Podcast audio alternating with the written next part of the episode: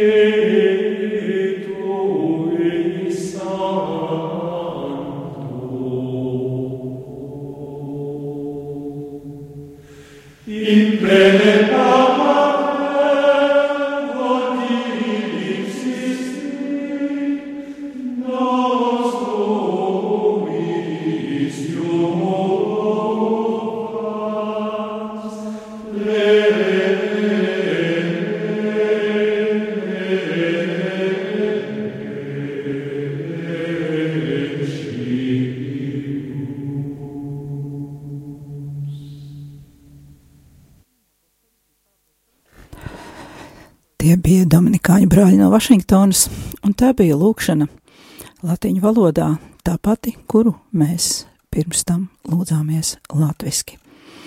Bet tagad pie tēmas. Šovakar aicinu kopā ar mani pārdomāt mūsu Latvijā dzīvošo, dzīvojošo laju realitāti iepriekšējo raidījumu par lūkšanu un visas baznīcas dzīves kontekstā. Un pieņemiet šīs pārdomas kā prāta vētru un nevis kā gatavas atbildes vai norādījumus, ko un kā vajadzētu darīt. No abos iepriekšējos raidījumos lasītā varam secināt, ka lūkšana, ja to veids mērķtiecīgi un apzināti, ir iespējams pats spēcīgākais līdzeklis mūsu garīgajai izaugsmē un arī ierocis pret ļaunā gara uzbrukumiem ne tikai pret tiem, kurus piedzīvojam paši, bet arī kurus pašlaik piedzīvo visa baznīca. Ja esam uzmanīgi klausījušies un atceramies abus iepriekšējos raidījumus, noteikti pamanījām paralēlus tekstus ar ļoti līdzīgu saturu, tikai izteiktu atšķirīgiem vārdiem. Tā kā uz sienas Katrīnas darbiem ir atsaucis pat lielajā katoliskās baznīcas katehismā, pieļauju, ka tīši vai netīši arī Tomas Skītings runājot par lūkšanu ir izmantojis Katrīnas atstāto mantojumu. Tāpēc daži fragmenti ir pat ļoti līdzīgi. 14. un 21. gadsimta autori runā gandrīz vieniem un tiem pašiem vārdiem, jo tā ir tā pati Kristus baznīca, un nemaz nedrīkstētu būt citādi. Kam es vēlētos pievērst uzmanību? Abos tekstos bija minēti vairāki lūkšanas veidi - mutvārdu jeb vokālā lūkšana, pārdomas jeb meditācija, piemēram, rožakroņa noslēpuma pārdomāšana, un prāta mentālā jeb klusā lūkšana, kura dieva žēlastības iespējā var pāriet dziļā klusās lūkšanas formā, kuru sauc par kontemplāciju gan viens, gan otrs teksts liek mums saprast, ka jebkura ticīga cilvēka spēkos ir sasniegt, ja precīzāk, saņemt šo kontemplāciju, stāvokli, kurā dvēsele pilnībā vienojas ar Dievu.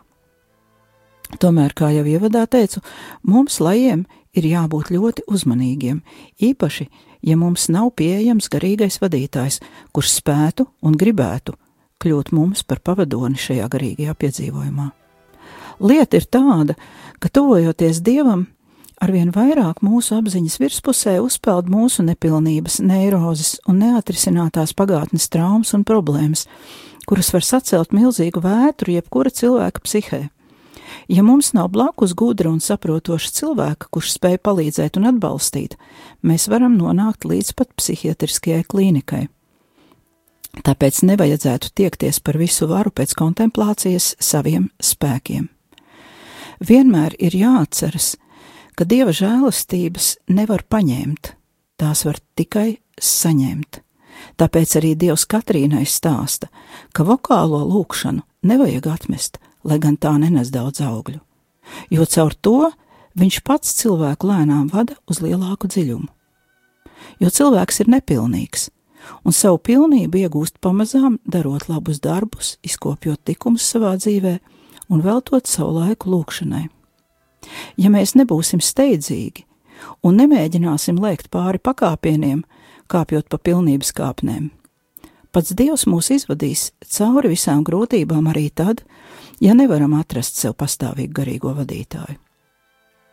Tomēr gadījumi, kad Dievs visu iemāca cilvēkam pats, bez jebkāda starpnieka, ir ļoti reti. Viens tāds piemērs ir Katrīna no Sienas, tomēr jāņem vērā, ka viņa bija uzaugusi ļoti ticīgu cilvēku ietekmē, un katoliskā vidē, kādas mūsdienās vairs nav nekur. Bet vēlāk viņai ļoti paveicās ka viņa satika priesterus, kuri noticēja viņas lielajām dāvanām, noticēja, ka tās ir no dieva, un vadīja viņu saudzīgi, nesalaužot un nesabradājot. Jo sievietei, kura pie tam nav mūķene, bet gan jauna un skaista laju meitene, nebija viegli toreiz, un arī tagad tādām sievietēm nav viegli baznīcā. Slikti sagatavots priesteris nespēja atšķirt neirotisku pielūdzēju no sievietes, kur varbūt piedzīvo garīgo nakti, un drošības pēc aizsūtīs prom no sevis kā vienu tā otru, kā saka, tālāk no grēka. Un pat, ja tāds priesteris sāks šādas sievietes vadīt, nesaprotot, kas ir kas, nebūs labuma ne viņām, ne pašam vadītājam. Bet labu, gudru, garīgo vadītāju, kurš nebūtu pārslogots, mums, vismaz Latvijā, atrast ir praktiski neiespējami.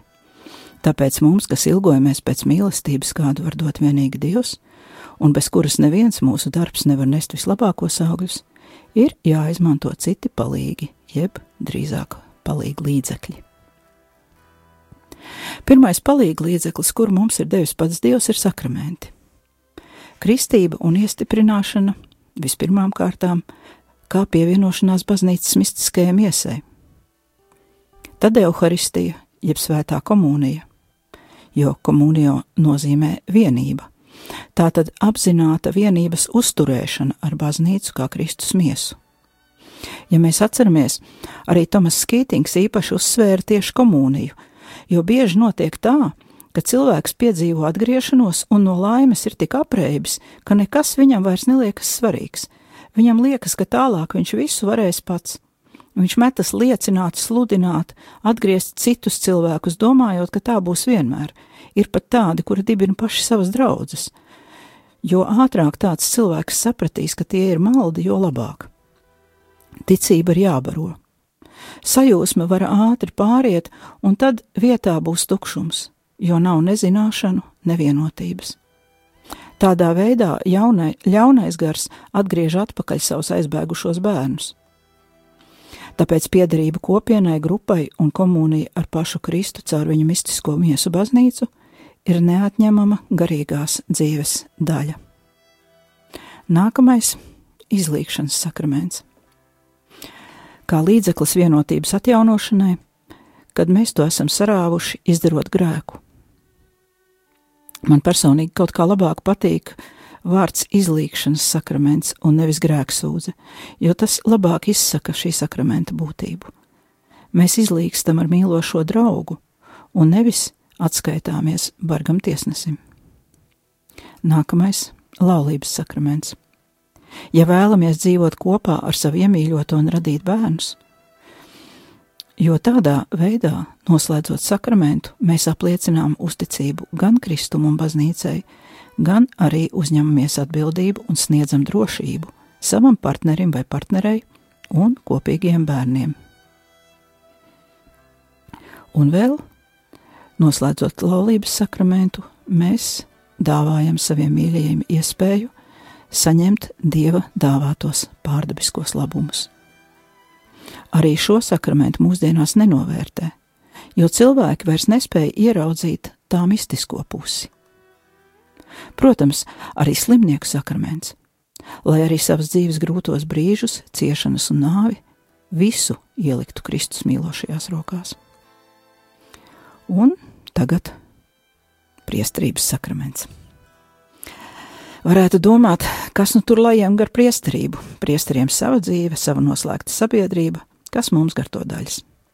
Priesteris nosvin misiju, izdala sakramentus un pazūd no mūsu redzesloka līdz nākamajai misijai. Mēs savukārt izpildām bausli, svētdienā esam misē, iemetam naudu kolektē, un tās arī visas mūsu zināšanas par priesterību un šo sakramentu. Tā bieži vien notiek. Tikko nosauktais arī ir pāvesta minētās klerikālisma sērgas sastāvdaļa. Viena puse ir tā, ko mēs izrunājam citos raidījumos, kā lai pielūdz priesteris, un šī pielūgsme, slimīgas attiecības padara viņus par elkiem un veicina viņu kritienu. Bet šī te vienaldzība un nevēlešanās neko zināt ir otra puse. Mēs atzīstam klēra varu un nošķiram sevi no priestriem kā no svešiniekiem.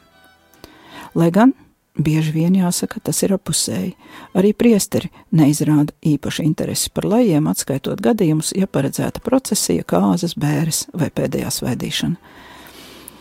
Tas arī ir tas, ko pāvests saka, ka klerikālismu ir izlolojuši paši priesteri ar laju palīdzību. Tomēr attiecībā uz šo sakramentu mums, kas neesam aicināti kalpot šādā veidā, būtu jābūt daudz labāk sagatavotiem. Kā pierādījums tam ir visi šie skandāli baznīcā - pedofīlija, homoseksuālisms, tukšās baznīcas, mirstošās draudzes Eiropā un Amerikā. Mēs visi esam līdzvainīgi tajā, kas notiek. Jo priesterības aicinājumu saņem ne jau kaut kādi citplanētieši. Priesteri kādam ir brāļi, bērni, mazbērni vai kādi citi radinieki vai kaimiņi. Tie ir cilvēki, kurus mēs lai audzinām, formējam, kā tagad moderni teikt.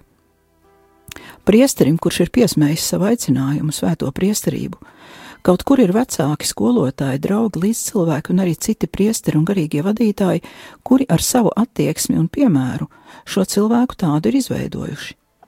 Līdzīgi kā, piemēram, arī Svēto Dominiku vai Svēto Katrīnu izaudzināja ģimene un vide. Tā sagatavoja augsni, lai Kristus iesētā sēkla varētu uzdīgt un izaugt, nesot simtkārtīgus augļus.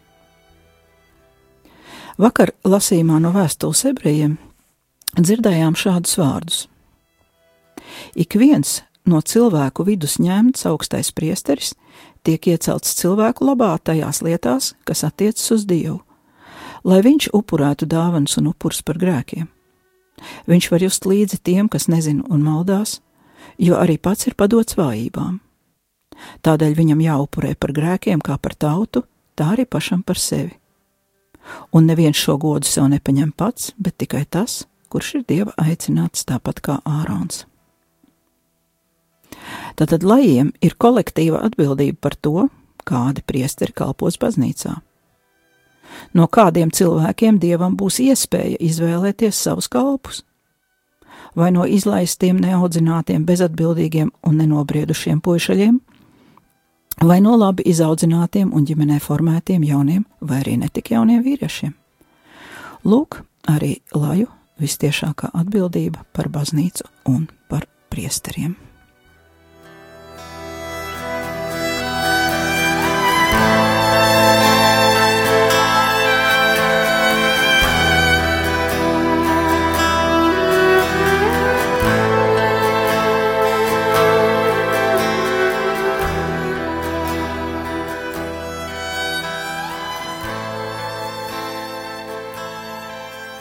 Taču, kā zinām no savas pieredzes, pat mums pašiem dažreiz ir grūti izprast sakramentos saņemtās žēlastības, mūsu ticība ir nestabila, brīžiem ļoti vāja. Un tas ir iemesls, kādēļ ticīgiem katoļiem ir grūti vai pat dažreiz neiespējami savu ticību nodot tālāk saviem bērniem un citiem tuviniekiem. Jo nevar jau uz augsts plīts uzvārīt ūdeni, Ja paši esam apdzisuši vai tik tikko kvēlojam, būs grūti aizdedzināt apkārtējos ar ticības liesmu ja jau pašiem tās nav. Tāpēc nākamais palīga līdzeklis ir neatlaidīga lūkšana. Ja jums ir iespējams, saglabājiet sev iepriekšējos divus raidījumus, un laiku pa laikam grūtību brīžos paklausieties. Kītinga grāmata ir nopērkama vēl grāmatnīcās, bet Katrīnas dialogi pagaidām latviski nav tulkoti. Es šo fragment iztulkoju raidījumam, un, ja labi par mani palūksieties, es patulkošu vēl, jo tas tomēr prasa laiku un spēkus. Bet, ja jūs lasāt angliski, internetā dialogu var legāli ielādēt PDF formātā vai arī lasīt online. Jā, arī lūkšana, ja mūsu sirds nedeg, dažreiz ir ļoti grūti veicams uzdevums. Bet visbēdīgākais ir tas, ka gadījumā, ja mums nav zināšana par tā saukto garīgās dzīves dinamiku, Mēs varam pamest lūkšanu tādā brīdī, kad sākam saņemt dieva žēlastības, jo mums pašiem var likties, ka mums nav augļu, ka lūkšanas izskan tukšumā, bet īstenībā tie ir ļaunā gara uzbrukumi un kārdinājumi, un nevis mūsu neveiksmes. Tāpēc nākamais palīgs visiem, kur spēj lasīt, ir grāmatas. Jāpiebilst, augstvērtīgas grāmatas. Jo pašlaik kristīgās grāmatas tiek izdotas milzīgā skaitā, un ļoti daudzus no tām var saukt par kristīgo lubu literatūru. Ļaunumu tā nenes, bet arī labumu maz. Tas varbūt palīdz lasītājiem saglabāt pozitīvu noskaņojumu un raisa sentimentālu mīlestību uz Dievu, kas nemaz nav slikti. Bet tā nav cietā barība, par kuru runā svētie raksti. Tāpēc galvenā grāmata ir un paliek Bībele. Tā ir grāmata, kuru nav iespējams izlasīt, jo katru reizi to pašu fragmentu Dievs mums atklāja ar vien no jauna un parāda kādu citu niansi. Ja nezinām rakstus pie tam kontekstā, nevis kaut kādus izrāvumus, ļaunajam ir labas iespējas mūs pievilt. Tad ir tā, kā stāstīja kādā pagājušā gada raidījumā, kā franciskāņu priesteris Ričards Rors pilnā nopietnībā savā grāmatā apgalvo, ka apustulis Pāvils savā vēstulē romiešiem aicina neievērot baušļus. Ja mēs neesam lasījuši Bībeli, vai arī mēs nepārlasīsim šajā situācijā šo te vēstuli romiešiem, mēs varam iekrist nopietnos maldos. Tādēļ lasīt Bībeli ir ārkārtīgi svarīgi. Vēl ir grāmatas, kuras skaidro Bībeli. Ir labi uzmanīgi klausīties sprediķus misē, kad priesteris skaidro rakstu fragmentus, un, protams, katoliskās baznīcas katehisms un pāvestu rakstītais, ne tikai pāvesta Franciska, bet vispār visu pāvestu rakstītais. Bet attiecībā uz lūkšanu eh, izdevniecība Kala raksti nesen izdevā brīnišķīgu Anzelma Grīna grāmatu Lūkšana kā sastapšanās. Un šī grāmata vēl ir brīvi nopērkama baznīcās grāmatu galdos. Redziet, cik viss ir sarežģīts salīdzinājumā ar tiem laikiem, kad cilvēki dzīvoja kristīgā vidē un daudzas no minētajām zināšanām iezīda ar mātes pienu, nevis meklēja un lasīja grāmatas. Bet, atgriežoties pie mācības par lūkšanu, vienmēr vajadzētu atcerēties, ka lūkšana nav garš vārdu savirknējums, ka lūkšanas augļi nav atkarīgi no dienā noskaitīto pātaru skaita vai no tā, cik skaisti mēs protam savirknēt vārdus. Ja atceramies, tad Dievs Katrīnai teica, ka tāda lūkšana nes mazaugļu. Un te varbūt ir daļēja atbilde par it kā neuzklausītajām lūkšanām. Svarīgs ir sirds stāvoklis.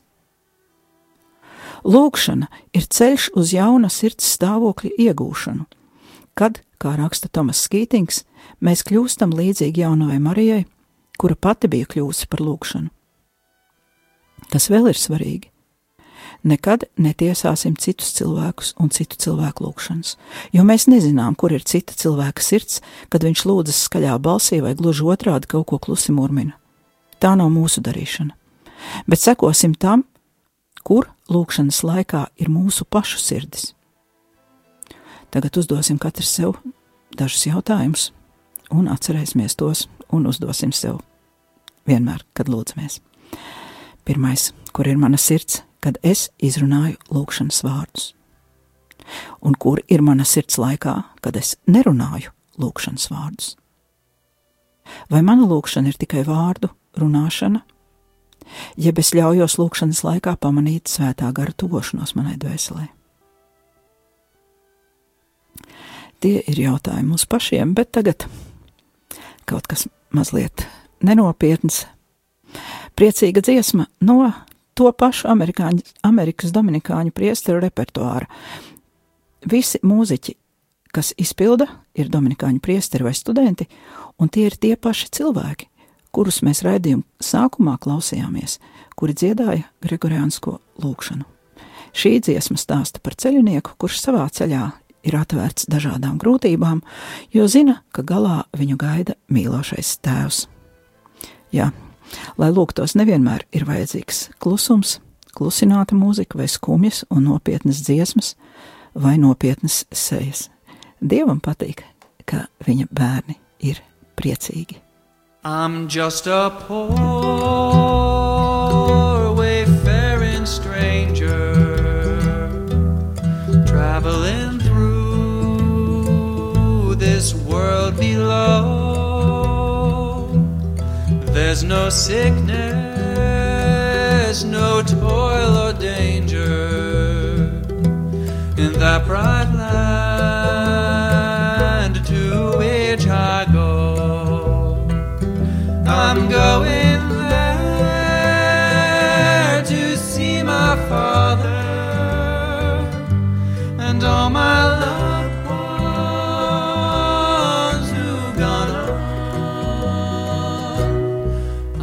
just going over Jordan. I'm just going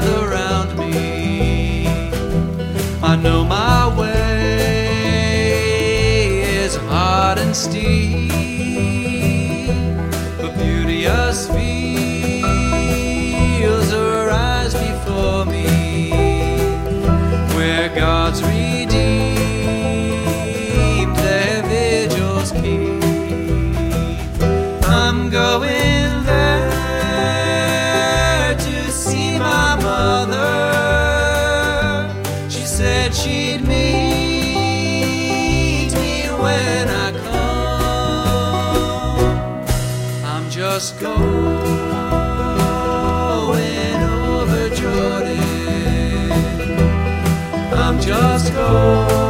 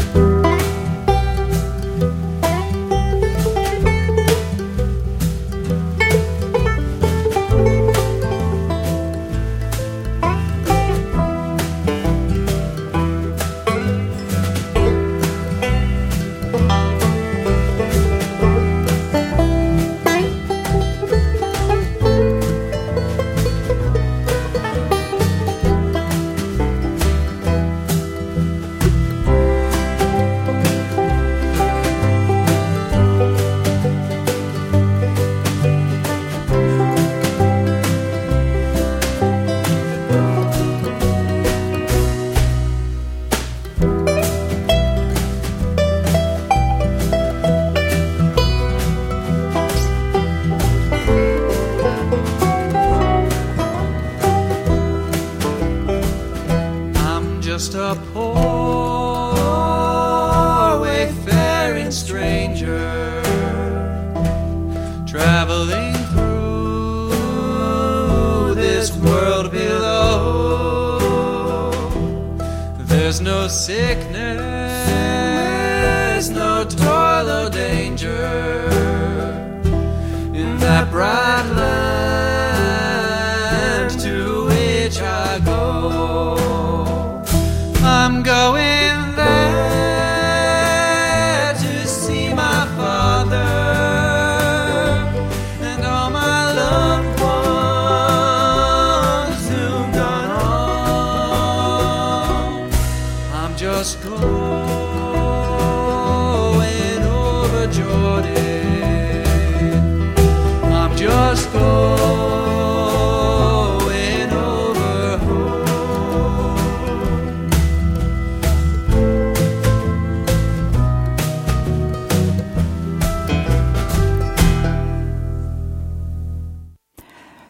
bija Dominikāņu priestera grupa The Hillbilly Tomists. Bet tagad raidījums jau pavisam to izskaņai.